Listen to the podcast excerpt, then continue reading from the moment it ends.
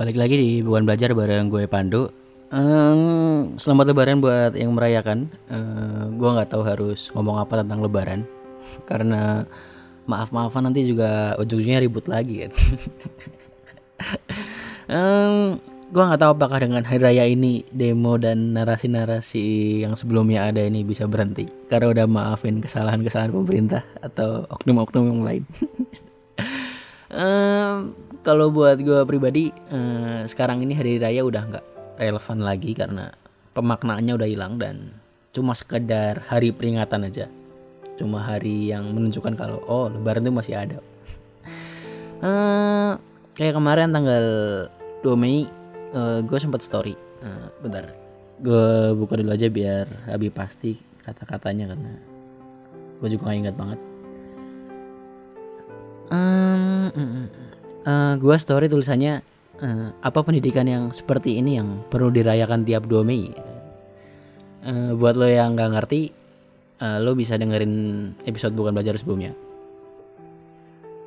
Karena hari raya apa pun sekarang ini udah jadi sekedar sensasi aja dan orang berlomba-lomba ikutan aja biar kelihatan nggak ketinggalan aja sama orang lain. Karena mau gimana pun sensasi itu pasti akan selalu di atas prestasi dan itu pasti. Kalau nggak percaya coba aja lo tanya ke teman-teman lo gitu.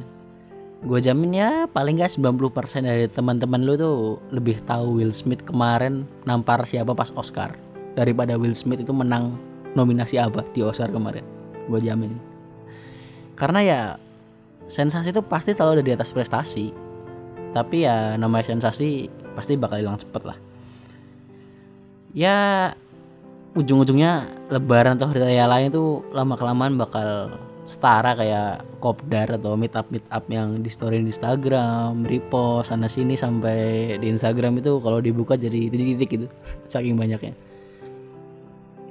Dan itu sebenarnya ada namanya fenomena hyperreality atau hyperrealita di Indonesianya di mana manusia susah membedakan dunia nyata dengan dunia hayalan atau dunia maya yang dalam konteks ini sosial media. Makanya arah prestasi itu yang seharusnya di dunia nyata saat itu mulai bergeser ke prestasi di dunia maya yaitu sebuah pengakuan. Eh, kemarin gue sempat buka Twitter juga buat lihat yang lagi trending beberapa waktu lalu gue lupa hari apa. Dan salah satunya gue nemu masalah Jerome Pauline sama gue lupa satunya yang pelihara macan atau harimau itu gue jamin yang komentar komentar itu kalau ketemu langsung juga ciut ya. Kayak Jeffrey Nicole kemarin yang sempat boxing sama tinjau boxing ya gue lupa. Sama orang kan juga awal dari Twitter. Habis kalah kan orangnya ya udah nggak bergerak lagi kan sampai sekarang. Eh, oke. Eh, kali ini gue mau bahas sedikit tentang masalah Wirda Mansur yang sempat trending juga masalah impiannya 10 tahun ke depan. Dia nge-tweet atau story gue lupa eh, tentang impiannya 10 tahun ke depan itu. Eh, ini gue bacain. Impiannya adalah penamatin Quran sampai akarnya. Hafal 10.000 hadis, bisa 20 bahasa lancar. Lulus Oxford terbaik, tamu kehormatan di White House, keliling semua negara, omset perusahaan tembus 100, 100 triliun, penghasilan 100 miliar sehari, punya rumah di atas 30 miliar, beli 100 private jet, berangkatin orang umroh atau haji, eh, nikah sama dia, punya 1000 perusahaan besar, gaji paling kecil di perusahaan gue 15 juta, terus tamu kehormatan di TED, masuk 30 under 34 best. Jadi wanita muslim tersukses dan terkaya dan kaya tersukses dan kaya.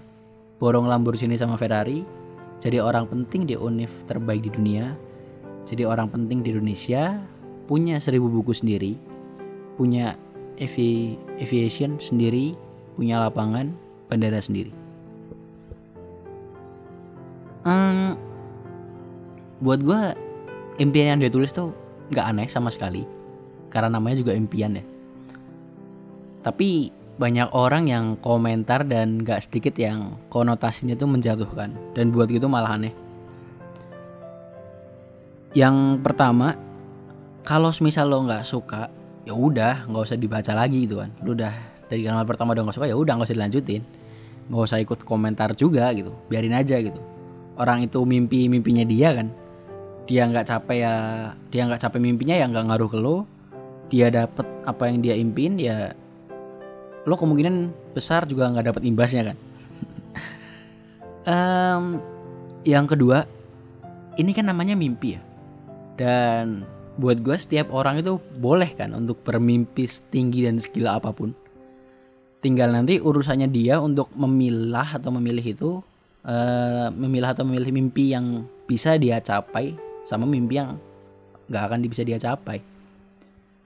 Mungkin dari sekian banyak mimpi yang diseleksi atau waktu untuk mencapainya yang diperpanjang kalau nggak salah kan. Si Wirya Mansur ini nulis dia akan capai 10 tahun ke depan ya jadi antara dia memilah mimpinya yang uh, mungkin untuk dia capai atau enggak, sama memilah atau atau opsinya lainnya adalah dia memperpanjang waktu untuk mencapai mimpinya. Lagian kalau gue tanya kan lo orang juga pasti punya mimpi yang ujung-ujungnya nggak tercapai kan dalam hidup lo. Pasti ada lah paling nggak satu. Entah masuk sekolah atau universitas yang lo mau, jurusan segala macem. Dah, bayangan lu hidup akan seperti apa ke depannya pasti ada lah ya mimpi yang pernah nggak tercapai di hidup lu udah bagus kan si Wirda Mansur ini punya mimpi yang gila dan mungkin gak akan bisa dia dapat. Daripada lo itu udah mimpinya biasa aja itu nggak seberapa nggak tercapai lagi mimpi lo kan. Dan yang terakhir yang bisa gue tambahin adalah bermimpi itu sesuatu yang bagus banget. Walaupun seaneh atau segila apa pun mimpi itu tapi mimpi itu nggak boleh dibiarin liar. Maksudnya adalah ketika punya mimpi, kita sebagai manusia harus mengkerucutkan mimpi kita, nambahin detail-detail yang diperlukan sehingga nantinya mimpi yang ada di otak kita itu akan jadi sebuah rencana yang bakal semakin realistis lagi karena lo akan tahu nih step-step atau langkah-langkah apa yang harus lo lakukan untuk mencapai mimpi itu gue ambil contoh eh, gue kan suka naik gunung terutama pas SMA itu gue lagi aktif aktif aktifnya naik gunung lah. Dan ada beberapa kesempatan yang buat gue itu sebagai misi bunuh diri ya gue anggapnya. Maksudnya eh, gue pergi ke tempat yang buat gue itu buat gue itu asing banget dan berat lah untuk ukuran anak SMA tapi nyatanya bisa gue lewatin uh, ambil satu deh. Uh, dulu gue pernah ke Argopuro tahun 2008 akhir Desember. Dan informasi aja Argopuro itu adalah gunung dengan trek terpanjang di Pulau Jawa kalau misal kalian lintas jalur. Sudah menuntaskan semua trek yang ada. Waktu itu gue naik Argopuro cuma berdua sama temen gue.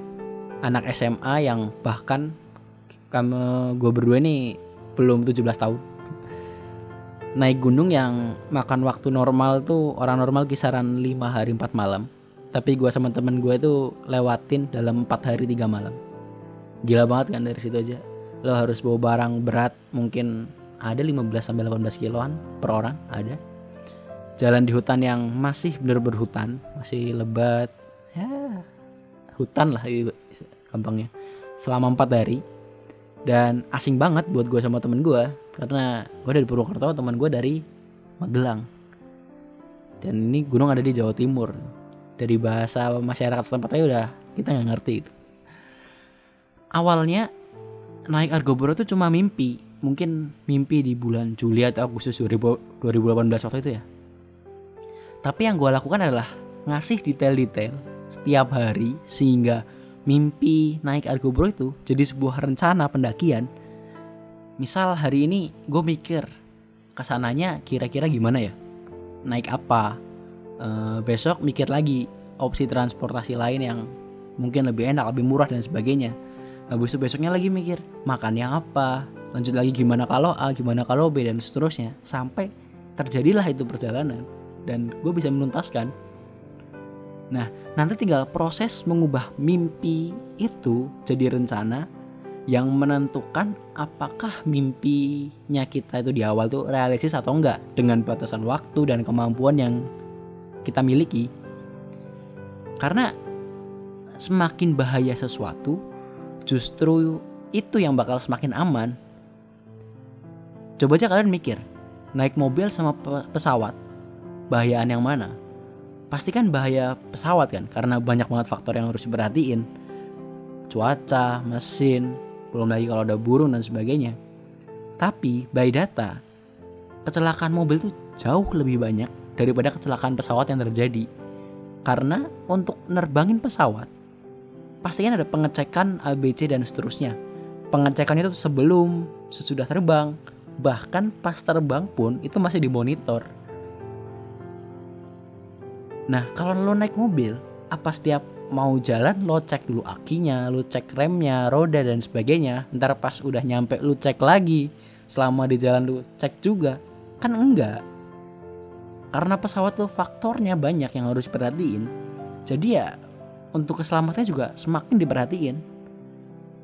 Makanya buat aja mimpi segila apa pun, seaneh apa pun dan seberbahaya apa pun supaya nantinya mimpi itu bisa diubah jadi rencana dan baru ditentuin itu rasional atau enggak. Uh, udah gitu aja um, balik urusin hidup lu sana.